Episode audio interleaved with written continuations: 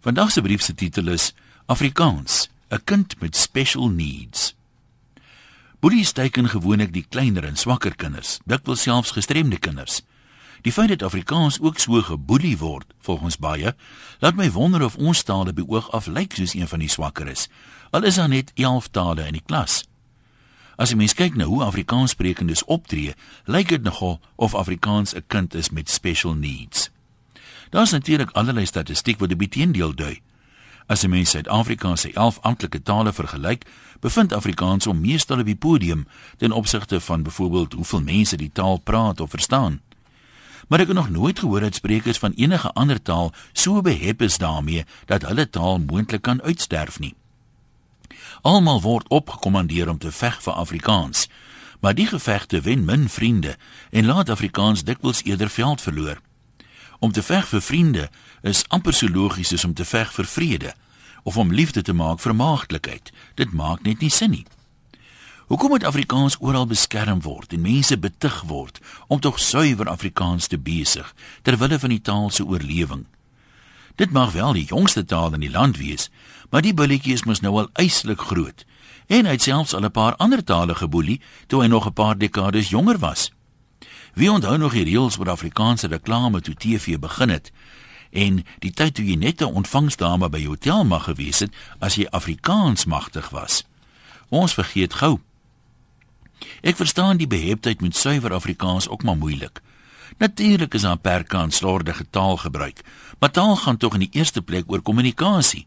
En as jy regtig suiwer Afrikaans wil praat, verstaan omtrent net ou mense jou. Terloops het iemand al gekla oor die blues liedjie You can't miss something you ain't never had. Dis tog net so 'n swak taal gebruik as om jou CD 'n Afrikaanse titel te gee soos gee jou hart 'n breek. My probleem is dat hierdie taalspietkops nooit konsekwent is nie. Sedert ek in die 70's op skool was, het die amptelike Afrikaanse woordelys en spelreëls al dikwels verander om by te kom met hoe mense praat. Toe was jy deel van die rooi gevaar as jy steak of chops gebraai het. En as jy chips daarmee saamgeëet het, het jy nou regtig jou chips gehad. Maar vandag praat net enkele trotse oud broederbonders en 'n paar hardlywiges nog van beeshaas, kotelette en skyfies. En normale mense lag vir hulle. Engels klink nou heelwat anders as in Shakespeare se tyd. Hulle braai nou alselfs in Engels ook. Maar selde hoor jy iemand sê Engels moet beskerm word teen indringer woorde. Het dit nie tyd geword dat Afrikaans groot word en sy special needs ontgroei nie? 'n Taal behoort tog aan sy sprekers en as daar 'n behoefte aan Afrikaans is, sal hy oorleef. Indien nie, laat hom in vrede gaan. Hoekom moet 'n taal dan kunsmatig aan die lewe gehou word? Hoekom moet Afrikaanse skrywers se sukkel bestaan voer en hulle rekeninge met lojaliteit probeer betaal omdat die kampvegters vir Afrikaans te min Afrikaanse boeke koop? Kom ons wees 'n slag konsekwent en eerlik. Ek is mal oor Afrikaans. Dis my taal.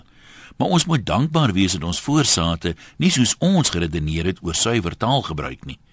As die Hollanders nie in die kombuis begin afwyk het van die sitkamer se hoog Hollands nie, sou Afrikaans in die eerste plek nooit eers ontstaan het nie. Hoe hy gaan klink oor 30, 50 of 100 jaar is anybody's guess. Maar hoe jy te kere gaan oor hoe mense nou Afrikaans praat, gaan bloedwynig daarmee te doen hê. Dalk moet jy liewer nie so hard veg dat jy al Afrikaans se vriende vervreem nie. Groete van oor tot oor. Anoniem.